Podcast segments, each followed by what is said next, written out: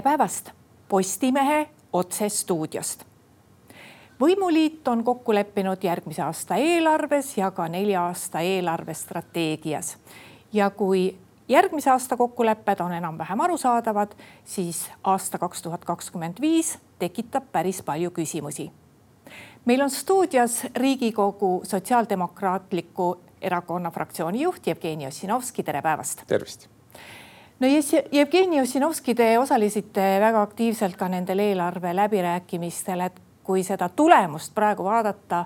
ja mõelda sellele, kui keerulised need läbirääkimised olid, et siis kuidas see, mis kokku lepiti, et kuidas teie hinnangul see välja on kukkunud? noh kui öelda, et, et küll on äh, hea eelarve, hea eelarvestrateegia, et äh, siis, äh, siis loomulikult seda täna öelda, öelda ei saa, tulenevalt sellest, et, et olukord on riigi rahanduslikult väga keeruline. et positiivseid uudiseid selles asjas on vähe. ja, ja selleks, et nelja aasta perspektiivis siiski võlakoormust kasvatada võimalikult vähe, tegelikult riigi rahandus jätkusuutlikumale alusele viia ei ole ju töö tegelikult mitte lõppenud, vaid, vaid lihtsalt üks etapp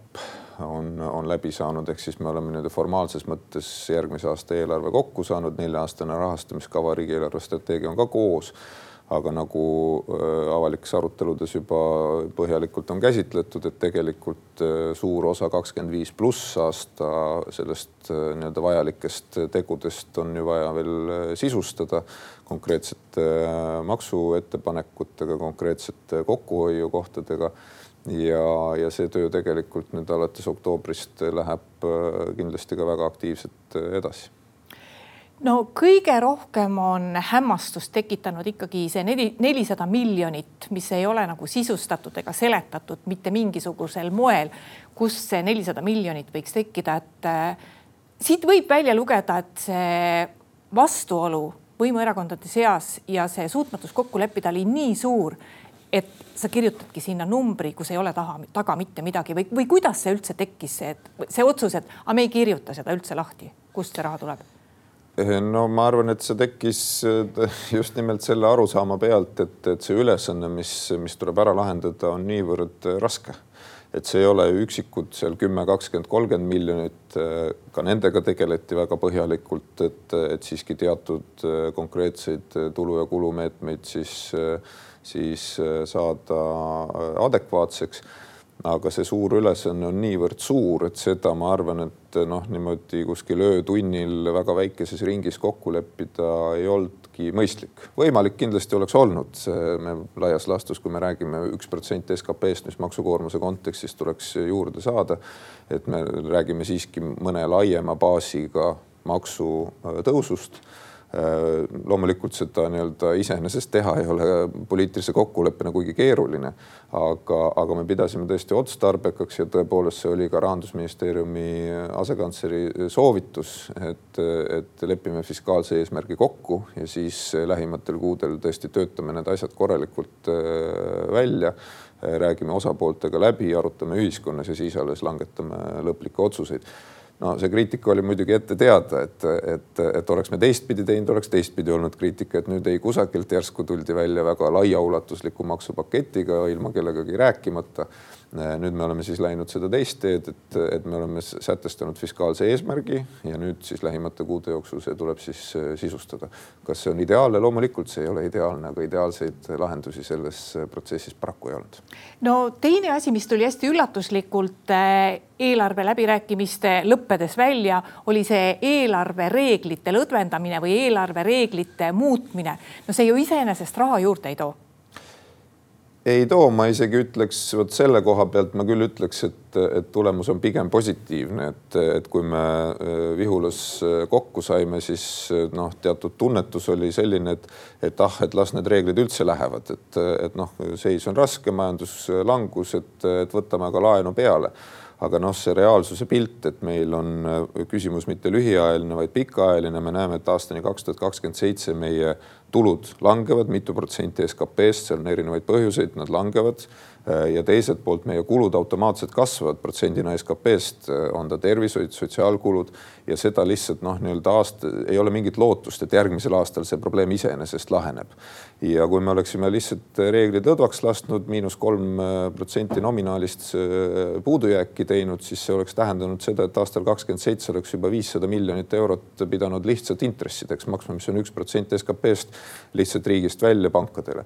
Ja selles olukorras me tõepoolest otsustasime ühiselt, et me seda teed ei lähe, me püüame siiski võimalikult palju parandada ka eelarvepositsiooni ja lõpuks see tasakaalupunkt siis tekkis seal, et tõepoolest me eh, läheme siis nii-öelda Euroopa Liidu üldraamistiku peale, mis ütleb, et meiesugusel riigil võiks olla siis keskpikas perspektiivis miinus üks protsent SKP-d eh, struktuurset eh, siis miinust see kindlasti tähendab jätkuvasti miinust. see tähendab seda, et meie võlakoormus ei, koormus ei vähene, vaid tõuseb aga arvestades äh, ka noh, majanduslikku olukorda hetkel, et veel see täiendav protsent, mis oleks siis pidanud tulema täiendavatest maksutõusudest, tõenäoliselt oleks, oleks olnud ka majanduse arengu seisukohast äh, üsna keeruline, nii et, nii et ma arvan, et see teatud noh, optimum siis täiendavate tulude täiendavate kokkuhoiukohtade ja siis eelarvepositsiooni pehmendamise osas äh, on, on see parim, mis me praegu oleme kokku leppinud no sotside üks soove oli see, et äh, maksustataks pankade erakorralised kasumid. Äh, selle asemel tekkis meil peaministril pankadega hoopis teistsugune kokkulepe. kuidas te hindate seda kokkulepet? no me oleksime teinud teistmoodi ja meie ettepanek on, on kõigile teada aga, aga see ei leidnud äh, koalitsioonis toetust, see on aus vastus, ega, ega siin polegi midagi öelda, kaks parempoolset erakonda on olnud äh, paljudes majanduspoliitilistes küsimustes meist teisel arvamusel. see oli üks nendest, äh, aga mul on hea meel, et peaminister siiski seda sõnumit meie poolt, et pangad peavad solidaarsemalt panustama selles, selles olukorras, kus nende kasumid on väga suured meie kõigi arvelt et, et, et selles olukorras siiski selle pingutuse tegi ja pankadega kokku leppis selle, mis kokku lepiti, ehk siis me saame arvestada järgmisel ja ülejärgmisel aastal täiendava tuluga, millega me muidu ei oleks arvestada saanud. ja kui meil seda sada kakskümmend miljonit eurot mälu järgi täiendavat tulu eelarves praegu ei oleks võimalik planeerida siis sellisel juhul see oleks pidanud, kas me oleksime pidanud võtma rohkem laenu riigina, veel halvendama eelarvepositsiooni või siis leidma täiendavaid tulumeetmeid, mis ma arvan, et, et selles olukorras noh, see kindlasti meile, meile appi tuleb noh, arutelu sellest, et kas pangad oleksid muidu ka selle summa välja võtnud või mitte. eks sellele oskavad nemad kõige paremini vastata, nemad eh, loomulikult kinnitavad seda, et see on nendepoolne täiendav eh, kasumi väljavõtmine, mida nad muidu ei oleks teinud, nii et, nii et ma arvan, et hea on see, et, et see selle diskussiooni tulemusena meil on võimalik tegelikult eelarves selle täiendava tuluga siis arvestada. kas see on meie vaatest noh, nii-öelda maksimum, ei ole no kärpimisülesannet, ülesannet, ülesannet ministeeriumid täita ei suutnud. mis see põhjus võis siin olla, et kas tõesti on nii, nagu öeldakse, et noh, et ei ole enam mitte kusagil kärpida või see ülesanne oli antud ikkagi piisavalt äh, üldsõnaliselt? ei, ülesanne oli antud äh, täiesti konkreetselt ja tugevalt, äh, noh, olles eelarveid kokku pannud õige mitmel korral, õige mitmes valitsuses, et lootus, et on võimalik seal noh, mis on selline populaarne ka poliitikute seas populaarne arvamus, et oi, et istuvad kuskil paksuks söönud ametnikud, kes mitte midagi ei tee, et need laseme lahti ja vot siis on, hoiame kokku kümneid miljoneid, et kui me vaatame noh, analüütilist pilti, eh, siis tegelikult Eesti avaliku sektori haldus on eh, üks Euroopa efektiivsemaid, eh,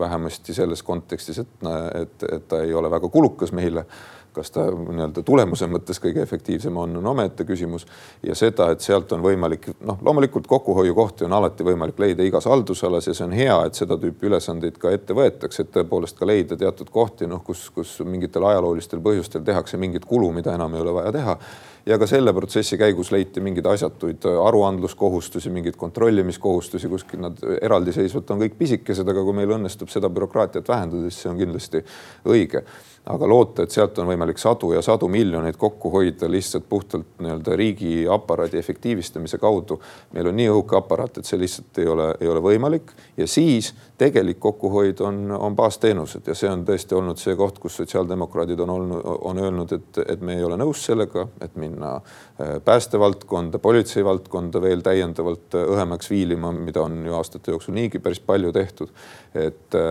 et me kindlasti noh, selliste ühiskondlike baasteenuste kärpega kaasa ei lähe. eks seegi on teatud saavutus selles protsessis, sest surve teiselt poolt, partnerite poolt kindlasti oli palju tugevam selles osas, et, et tõmmake kokku mingeid ühiskondlikke baasteenuseid baasteenuseid. Nüüd pikemas vaates, mis on ka valitsuse kokkulepe, loomulikult nüüd nulleelarve, eelarve revisjoni protsessid, kus on reaalselt kolm ministeeriumi järgmisel aastal käivad oma kõik read äh, läbi, siis selles täitsa noh, niimoodi analüüsipõhiselt on võimalik leida ka suuremaid kokkuhoiukohti. me loodame, et see õnnestub, me arvestame ka sellega, et, et, et siiski nende ministeeriumite nii-öelda täisrevisjoni pealt on võimalik ka teatud teenuseid efektiivsemalt, mõistlikumalt korraldada ja sealt siis oleks võimalik ka suuremaid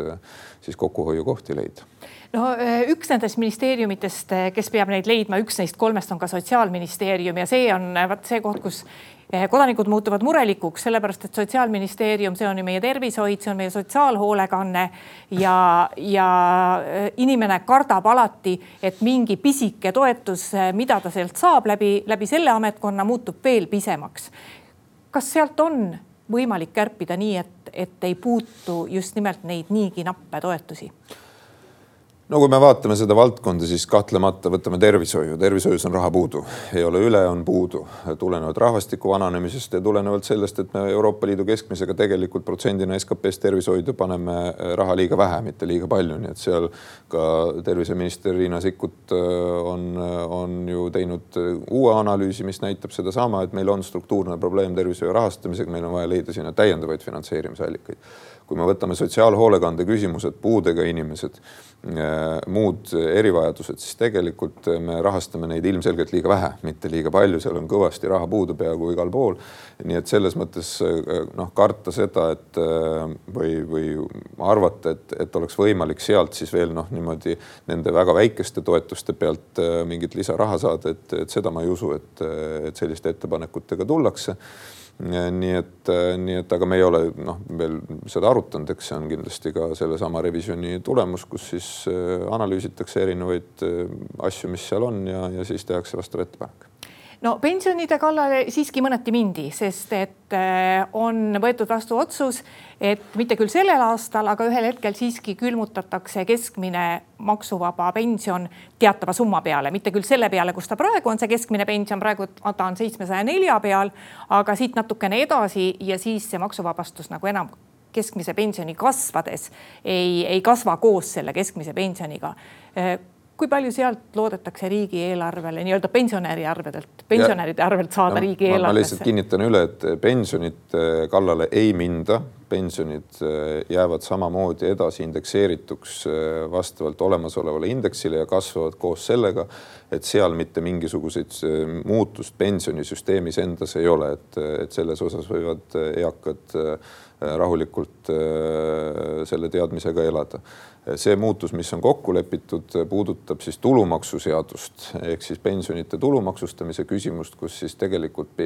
üks viis aastat oli meil olukord, et, et pensionite ja üldine tulumaksuvaba miinimum oli sama, sama, samal tasemel nüüd on siis sellest vist selle aasta algusest on siis pensionäridele tehtud täiendav tulumaksuvabastuse aste. ja tõepoolest hetke kokkulepe on see, et, et järgmisel aastal ta tõuseb koos keskmise pensioniga ja pärast jääb sellele, sellele tasemele nüüd mina noh, ka täitsa ideoloogiliselt, kuna ütleme, sellest tulumaksuvabastusest võidavad need pensionärid, kes teenivad siis või kelle pension on kõrgem keskmisest või kes paralleelselt ka töötavad, siis mina ideoloogiliselt üldiselt olen olnud seda meelt, et kui on soov pensionäride toimetulekut parandada, siis tuleb kas parandada nende teenuseid, eeskätt sotsiaal- ja tervishoiuteenuseid või siis tõepoolest suurendada pensioni baasosa, mis tegelikult aitab kõiki pensionäre ja eeskätt siis neid, kellel kõige kõige rohkem puudu on, ehk siis madalama pensioniga pensionäre. nii et noh, kas see on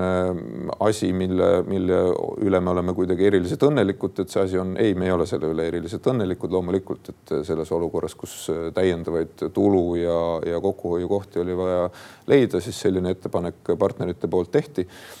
Aga ma kinnitan veel kord, et kellegi pensionit kärpima ei minda ei praegu ega lähiaastatel no hea on see, et äh, õpetajate palgatõusu ei külmutatud, halb on see, et äh, külmutati päästjate oma.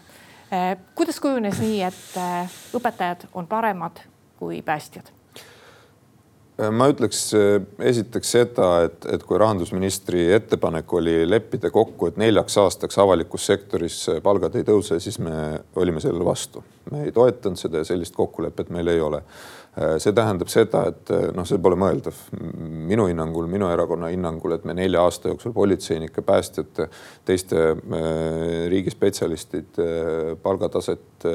siis järele ei aita olukorras, kus keskmine palk jätkuvasti kasvab siin viis protsenti, kuus protsenti aastas. Äh, nüüd järgmine aasta on erakordselt keeruline riigi rahanduslikus mõttes ja arvestades, et ka sellel aastal äh, nendes äh, noh, väga paljudes riigi siis teenistujate valdkondades palgatõusud olid märkimisväärsed, arvestatavad, siis tõepoolest järgmisel aastal õnnestus noh, nipet-näpet seal õpetajatele juurde panna, mis on kindlasti väga hea, sest õpetajate palgatõus on ka nii-öelda strateegiline prioriteet. see saja kahekümne protsendini jõudmine, mida, mida ka mina olen rääkinud juba pea kümme aastat ja noh, me hakkame sinna lähenema läheneme ja ma arvan, et me, oleks oluline, et me sealt maha ei jääks. Aga kindlasti järgnevatel aastatel seda, et, et, et politseinike, päästjate, teiste teenistujate palgad jäävad samale tasemele, seda ma kuidagi äh, võimalikuks ei pea mis teisipidi loomulikult nendega ei ole riigieelarve strateegias arvestatud, tähendab seda, et, et, et see ülesanne, mis järgmiseks suveks tuleb teha, on selle võrra suurem. sest meil tegelikult ei ole pääsu sellest, et me lähiaastatel siiski ka, ka teistel siis meie teenistujatel palkasid tõstame no sotsiaalvaldkonnas on üks kulukamaid ettevõtmisi ka sellel suvel alanud eh, hoolekandereform. ega nüüd sealt ei võeta raha vähemaks, sest noh, kuuldavasti seda raha ka praegu napib, et ega sealt midagi maha ei tõmmatud ei, sealt ei tõmmatud midagi maha. see raha on arvestatud kõikidel äh, lähiaastatel siis kohalike omavalitsuste tulubaasi vastavalt varasematele kokkulepetele. raha on seal tõepoolest puudu ja see on äh, meie ühine kokkulepe, et, et regionaalminister Madis Kallase eestvedamisel aastast kaks tuhat kakskümmend viis ka laiem kohalike omavalitsuste rahastamise reform, nii-öelda tema noh, järgmine etapp äh, tuleb, sellega praegu aktiivselt töötatakse, mille eesmärk on just nimelt vähem tulukate omavalitsuste finantsvõimekust parandada ja parandada just nimelt selleks, et nad tuleksid oma baasfunktsioonidega toime, sealhulgas sotsiaalhoolekandes, sealhulgas hooldekodu äh, rakendamisel. noh, seal on kõiksugu muid äh, probleeme selle reformi rakendamisel, sealhulgas kiiresti kappavad hinnad, mida, mida riik ei ole, ei ole siiani äh, soovinud ega suutnud kontrollida ja nii edasi. aga noh, sinna me praegu ei, ei, minna ei jõua. et, et üldiselt meie nägemus on see ja seda tõepoolest ka arutati, et, et lisaks sellele, et riik võtab laenu, me näeme, et ka kohalik kohalikel omavalitsustel käesoleval hetkel on, on kõri nii kinni, et ka nemad saavad äh, rahastada oma investeeringuid ainult äh, laenu arvelt ja kuna ka nende intressid on kasvanud oluliselt, siis tegelikult ka see ei ole äh, väga jätkusuutlik, mistõttu me peame tõesti vaatama süsteemse kohalike omavalitsuste rahastamismudeli siis ülevaatamise suunas, sellega töötatakse just nimelt selleks, et ka nemad saaksid tulevikus rohkem oma nii-öelda tulude arvelt investeeringuid ja kulusid katta ja ei peaks nii palju laenu võtma no peaminister on lubanud maksudebatti eh, selleks, et seesama nelisada miljonit sealt katta. Eh, nüüd on lihtsalt eh, küsimus selles ajaraamistikus, et võib küll tunduda, et järgmine suvi, kui algavad jälle eelarve läbirääkimised, on hästi-hästi kaugel, aga tegelikult on see päris lähedal, eriti selles vaates, et lõppkokkuvõttes peaks ühiskond, peaksid teadma inimesed ja peaks, peaksid teadma ka ettevõtjad, mis neid ees ootab ja millised uued maksud tulevad juba lähitulevikus kas võimuliidus on paika pandud ka, et noh, et millal selle maksudebati peaks ära pidama ja millal peaksid olema avalikkuses vastused käes, et kuidas me selle raha leiame ja kui tulevad uued maksud, siis millised need on ja millal kehtima hakkavad? Ja kindlasti see ei ole nüüd nii, et aasta aega on, on mõnus rahu ja siis aasta pärast siis äh, järsku kuskilt nad tulevad, et, et see pole lihtsalt võimalik, et kui me hakkame tagurpidi arvutama et esimesest jaanuarist kaks tuhat kakskümmend viis nad peavad jõustuma, see tähendab seda, et nad peavad olema Riigikogus vastu võetud hiljemalt esimeseks juuliks ehk siis järgmiseks suveks. selleks, et nad juuliks vastu võtta, nad peavad eh, siis kahekümne neljanda aasta esimeses esimese kuu jooksul tegelikult Riigikogule üle antama, mis praktikas tähendab seda, et valitsus peab nendes osas kokkuleppele jõudma juba selle aasta lõpuks, nii et see töö peab kohe algama. oktoober, november on, ongi need kuud, kus, kus me peame tegelikult need kokkulepped äh, sõlmima aga omavahel on teil ikkagi mingid väga konkreetsed maksud siiski ka, no mille puhul on, tundub, et saadakse võimuliidus kokkule. no olgu seesama magusamaks äh,, automaks on nagunii välja käidud, see tuleb nii ehk teisiti, ma saan aru, ainult pisut edasi lükatuna. et, et on nagu selliseid asju ka, mille puhul nagu tundub, et võimuliidus vot, vot selle maksu puhul saadakse kokkuleppele, aga mingi teise asja puhul ja no tuleb rääkida. loomulikult teatud ulatuses äh, siiski on, on ka tööd tehtud selles mõttes, et, et, et mingite teemade puhul noh, me oleme sarnaselt mõtlevad, ütleme siis niimoodi. Äh, aga nad näiteks eeldavad palju suuremat läbitöötamist, noh, võtame näiteks äh, firmaautode küsimuse. me teame, et see on üks, üks nendest teemadest, kus,